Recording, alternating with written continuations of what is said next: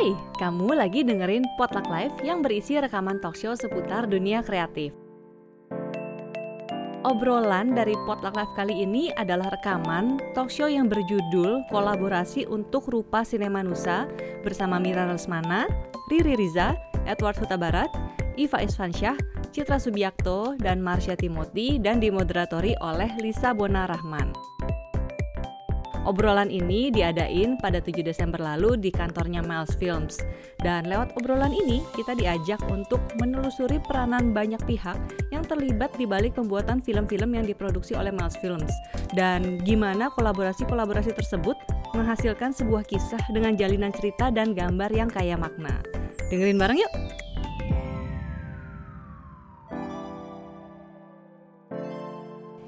Selamat sore, selamat datang teman-teman semuanya. Senang sekali uh, lihat rame yang datang ke sini uh, selama tiga setengah hari belakangan. Selamat datang ke Cinema Nusa. Cinema Nusa ini adalah pameran uh, kerja-kerja belakang layarnya Miles Films yang sudah berdiri sejak tahun 1995 uh, dan dengan tekun gitu ya terus menerus mencari upaya-upaya untuk uh, jalan-jalan sebenarnya. Rahasianya ternyata itu. Uh, karena ya kita tinggal di satu negeri yang luas sekali sangat beragam dan indah.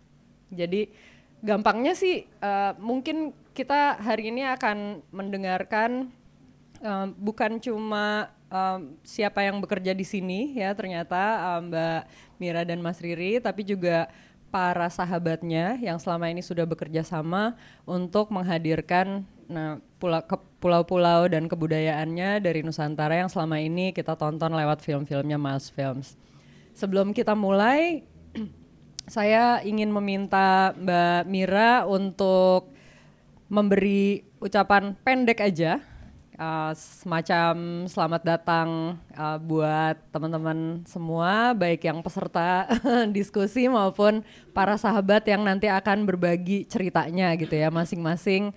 Uh, bukan hanya dalam konteks kerjasama dengan Mas Films, tapi juga yang namanya kolaborasi itu kan saling memperkaya gitu ya. Uh, apa yang dibawa oleh para sahabat ini ke Mas Films dan memperkaya Mas Films selama ini akan kita dengarkan sama-sama. Mbak Mira silahkan. Terima kasih Lisa. Selamat datang teman-teman semua.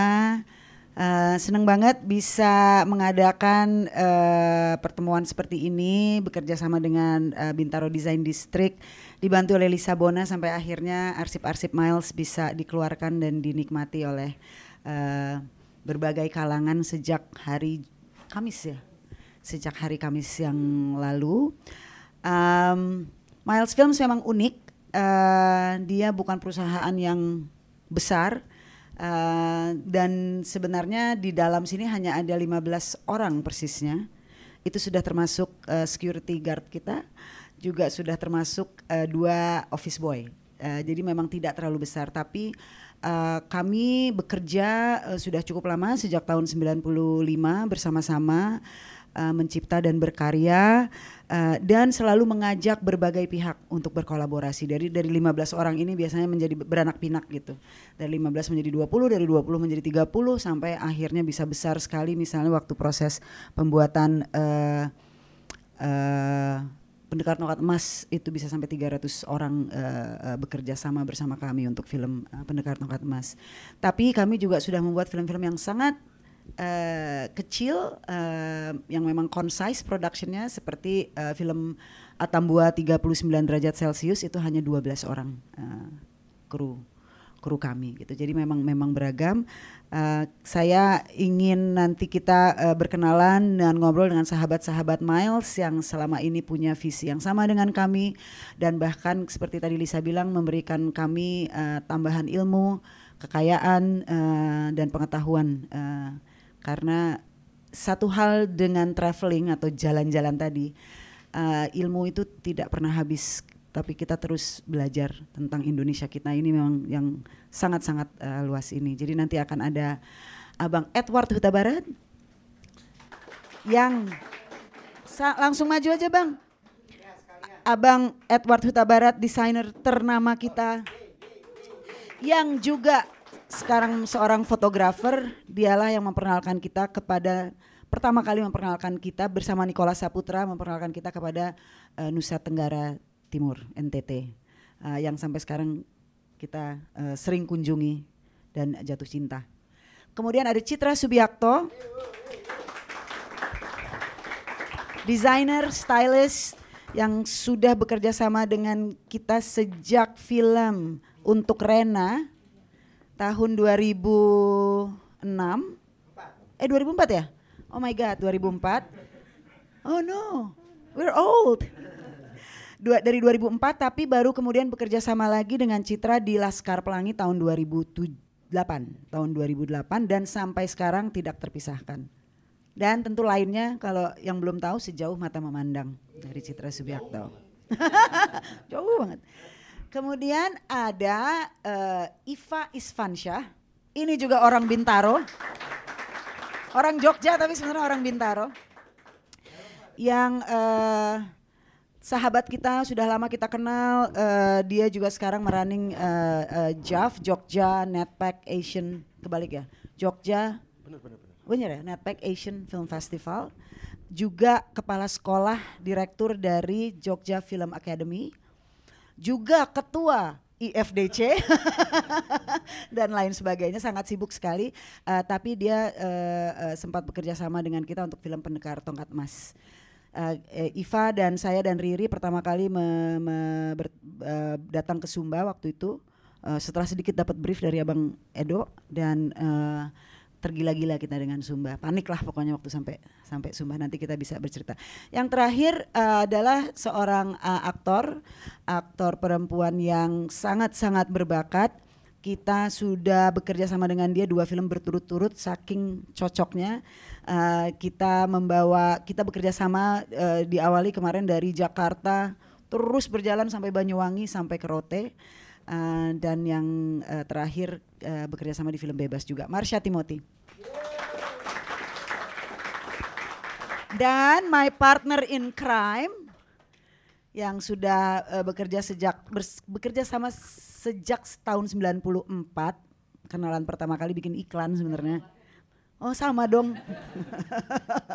dia kerja sendirian waktu itu tahun 94. Uh, eh, tapi di tahun 95 ketika Miles berdiri dia juga salah satu orang pertama yang kemudian uh, bekerja bersama dan sejak tahun 2002 menjadi partner di Miles Films. Tidak lain dan tidak bukan Riri Riza.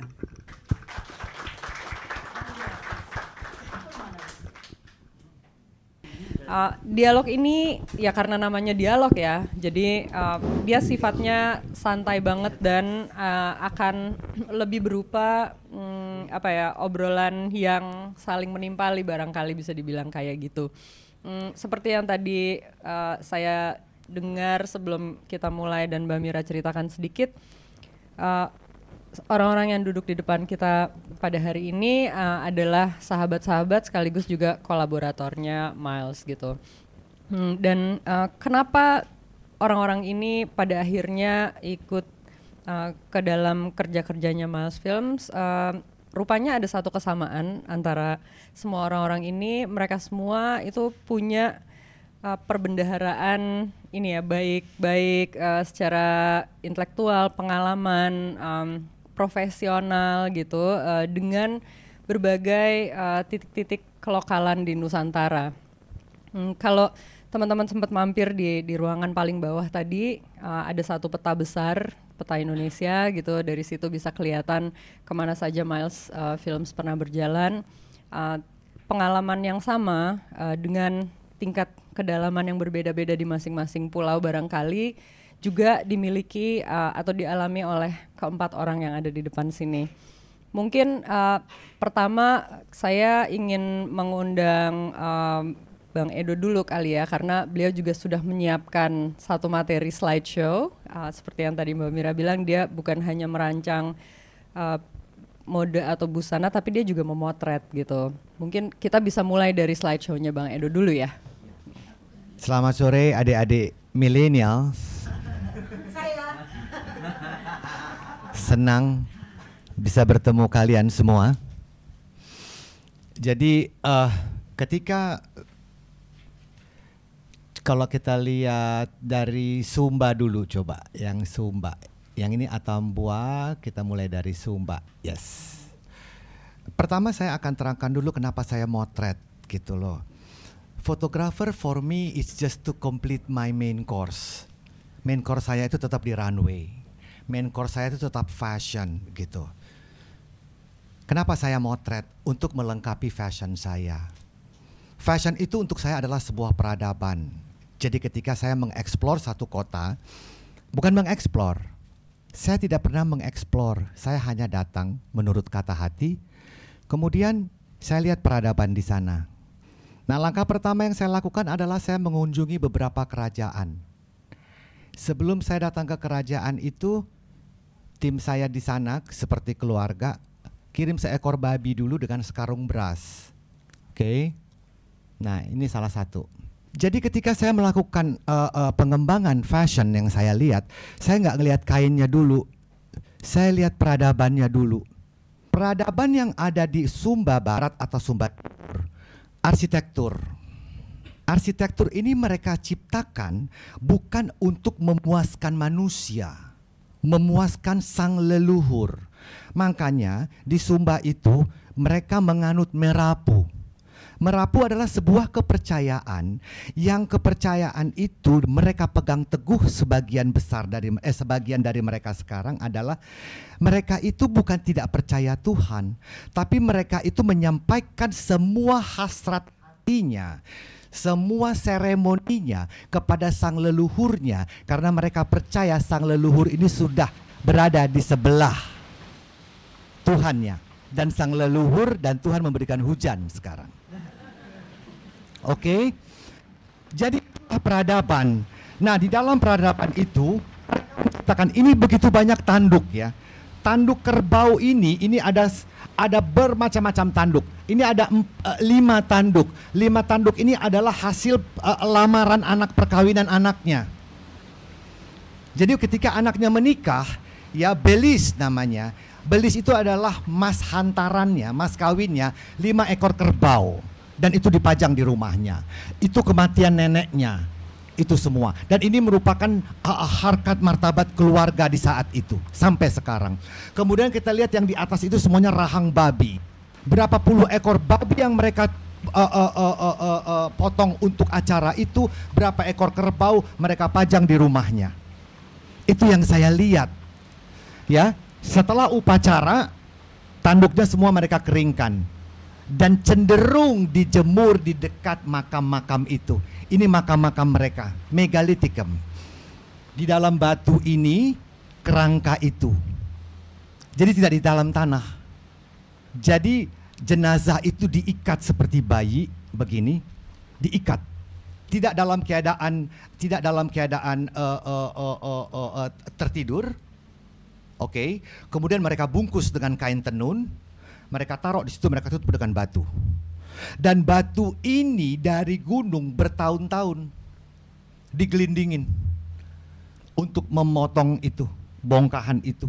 Bahkan di Sumba Barat saya lupa namanya, ada satu makam yang di batunya itu dipindahkan 40 tahun lamanya dari gunung. Jadi ketika mereka mau memindahkan batu, mereka tanam dulu pohon kapuk.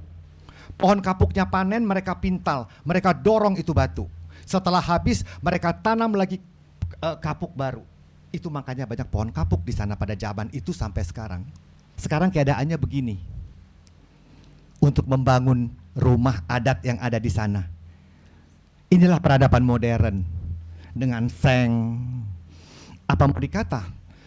Mereka takut terbakar, ya kan?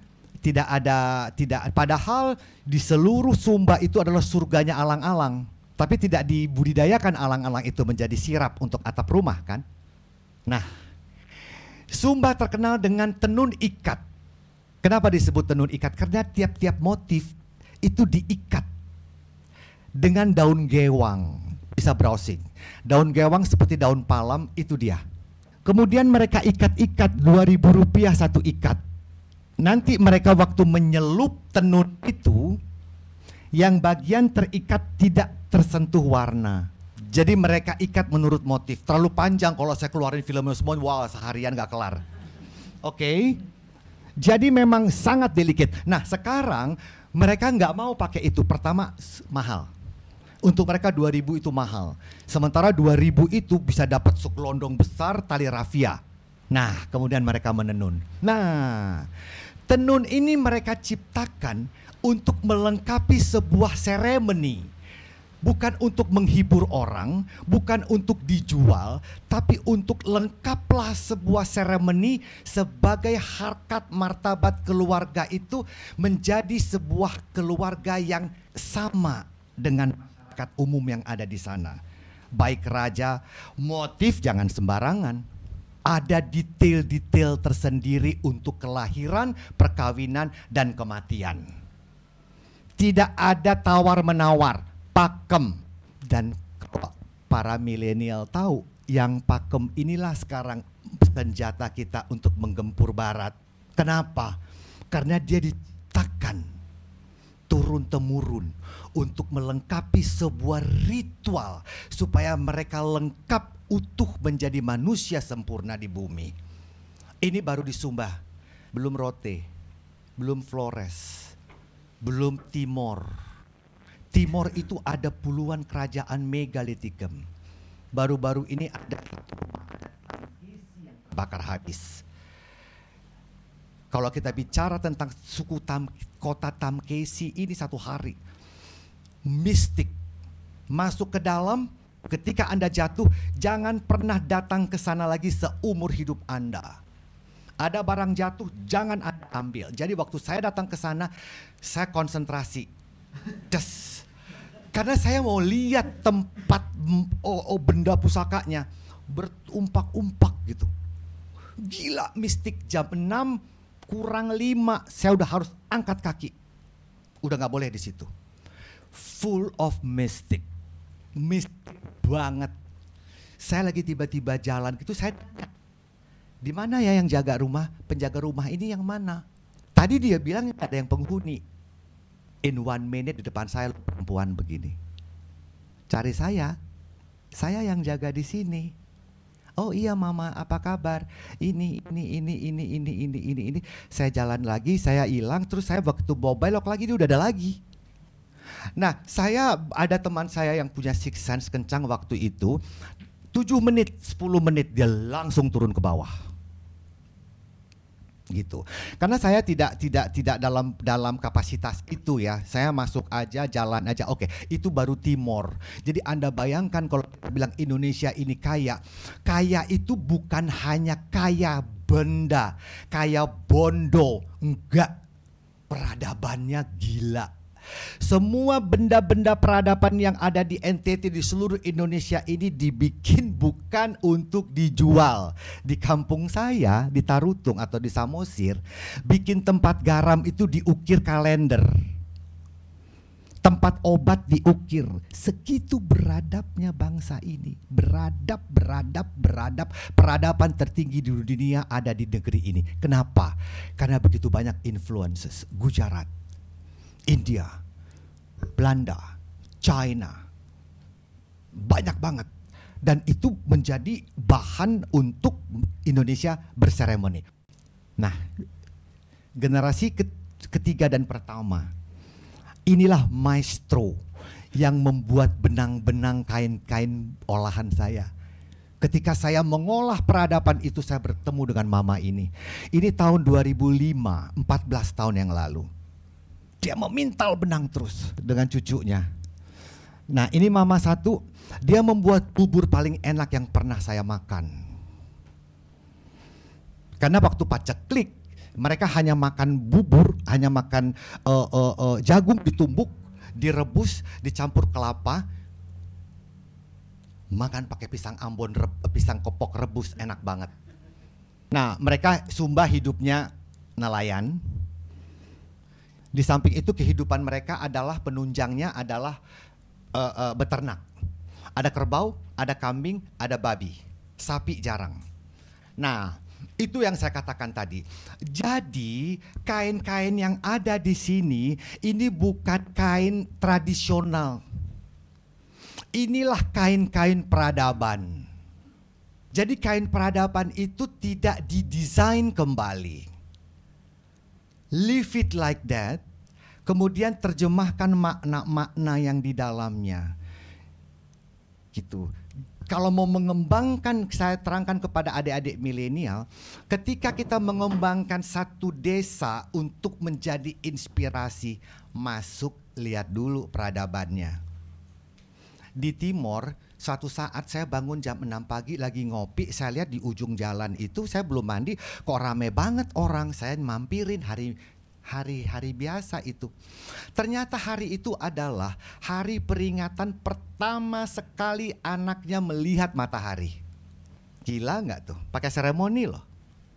Jadi di pintu depan dibuka, ada kain timur panjang, ibu, nini, mama semua di depan. Bu matahari, ayah dan ibu dan the baby dibalut kain begitu menunggu begini. Begitu naik begini semuanya. Waduh itu the best moment hidangannya cuma singkong sama pisang rebus. Tapi value, ya value itu tidak kita temukan di mana pun karena mereka bekerjakan itu tanpa perintah. Untuk apa?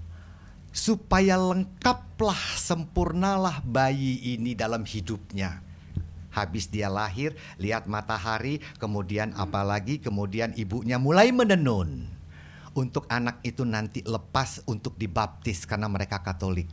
Nanti setelah dia dibaptis ibunya menenun lagi untuk perkawinannya lagi. Jadi di NTT atau di Minangkabau atau di Batak atau di Jawa pada zaman dahulu harkat martabat keluarga itu dari kain yang mereka tenun yang mereka batik. Di Palembang pun begitu. Zaman dulu di Palembang atau di Padang, di Pagaruyuang, Payakumbuh, Pandesike, name it semua ibu-ibu berkerudung. Kerudungnya taruh di sini, dia sampir begini. Pameran, exhibition, kepiawaian tenun. Ya, itu sekedar tentang Sumba. Sekarang kita pindah ke Atambua. Ini kota Atambua. Itu kota Atambua. Segitu. Jadi nggak ada cuman sekarang sih udah ada sih minimart, udah ada Oke, itu di studio foto. Saya lupa bawa foto-foto saya motret di situ. Next. Nah, ini lifestyle-nya orang di Atambua. Mereka menggantung jagung di atas rumahnya untuk persiapan paceklik. Next. Ini my maestro again. Saya tidak sengaja menemukan ibu ini di satu pesta dia pakai kain indah sekali. Itu hasil tenunnya. Tenun itu diciptakan satu tahun delapan bulan. Saya lupa membawa ininya. Dia jadi dianyam. Aduh, saya lupa membawa ininya. Pokoknya ini the best of the best from all over the world. Tenun ini. Si mama ini. She is the maestro. She is the maestro. Ya. Uh, semesta semesta yang memperkenalkan saya dengan dengan dia dan gengnya. Semesta. Jadi coba anda bayangkan ketika saya mengoleksi kainnya dia itu gila. Kalau saya lihat di tempat terang di tempat gelap di tempat ini kainnya indah sekali.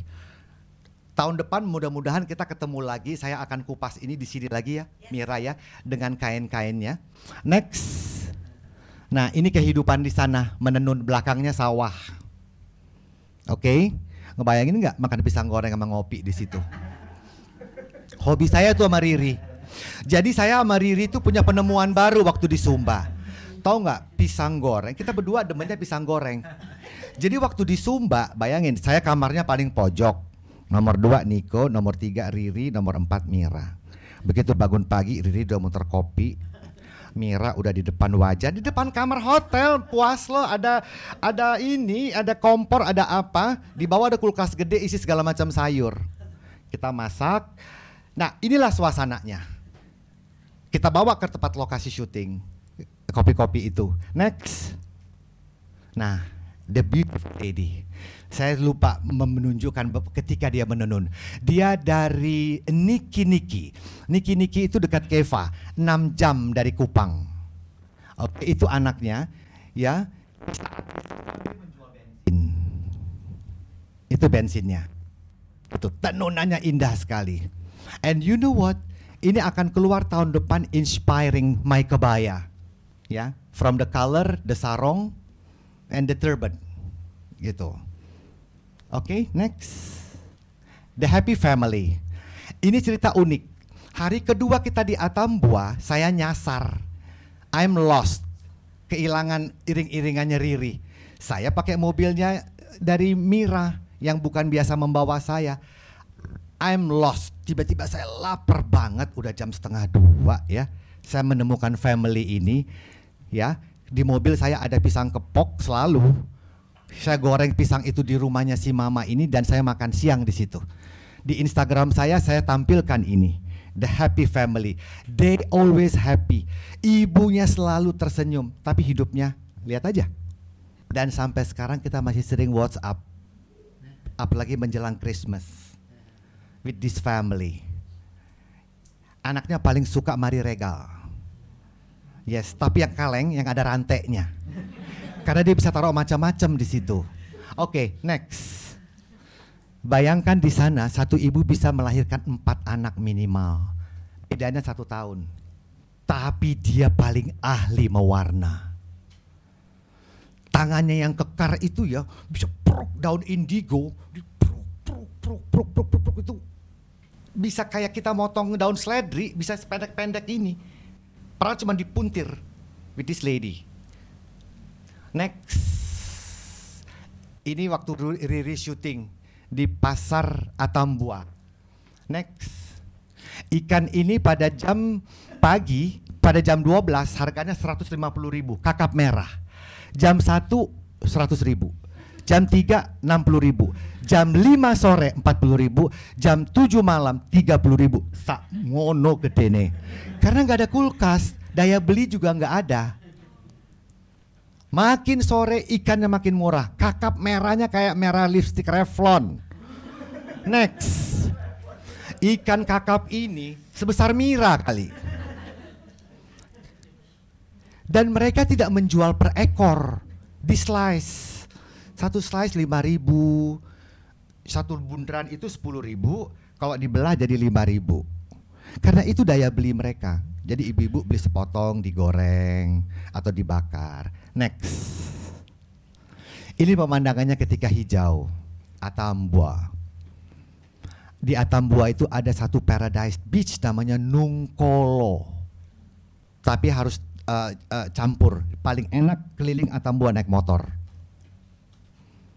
Next. Riri Risa dan Unai. The beginning of Atambua 39 derajat Celcius dan beneran 39 derajat Celcius loh bukan ngarang-ngarang. Gila panasnya. Nah, itu Riri sama Unai, masih ingat Ri? Kita datang dari sini. Next. Nah, datanglah rombongan. Itu uh, uh, aktris utamanya ya. Mira Putri Moruk next next Mas Riri ngedirect. Lihat panasnya sampai tutup kepala. Next. Mira sebagai stylist. Next. Makeup artist. Dan pede banget. Padahal ada gue kan ya. Enggak tuh. Kayaknya punya konsep sendiri gitu Eh gue diem aja kan ya, takut salah. uh, Mira, alis apa gitu, expert banget. Uh, uh. Really ngecek, really ngecek. Uh, uh, so tahu juga. Uh, uh. Ya gue kalau trade aja kan. Next. Riri ngedirect lagi. Next. Nah, saat paling nikmat nih. Uh, uh, ini paling asoy. Uh, uh.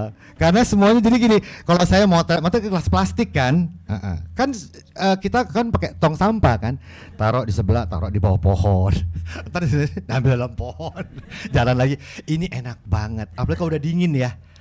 Aduh, 39 derajat Celcius asli, sometimes almost 40. Panas trik. Next. Nah, ini Mira lima tahun yang lalu loh. Ah, masih ada teh lalatnya. Kayaknya disimpan tuh Mir. Nah, next. Unai. Wah. Next. Nah ini nih. Saya setiap selalu curious nih sama ini. Setiap hari dia ngelihat matahari. sama namanya. Ini tujuannya untuk ngelihat itu ya? Awan. Oh, a -a -a. arahnya awan. A -a. Next, bintang utama pria ya. Joao. Next, ini bintang utama wanitanya. Next, ini jam 11 malam syuting di dalam salah satu hutan di sana ya, Riri. Next masyarakat wah waktu bikin film itu happy-nya tuh orang Atambua. Hiburan kan buat mereka. Hiburan sekali and they all very nice. Masyarakat NTT itu gila sangat amat ramah tamah. Yang penting kita panggil ibu-ibu tuh mama bapak-bapak itu bapak. Mama mama pasti mereka akan next. Nah akhir dari itu di depan toko loh. And I'm lucky nungguin mobil lewat biar lighting. Jadi pas ada mobil emang ngong cekrek. itu. Saya rasa cukup sekian dari saya pengalaman dengan Riri dan Mira.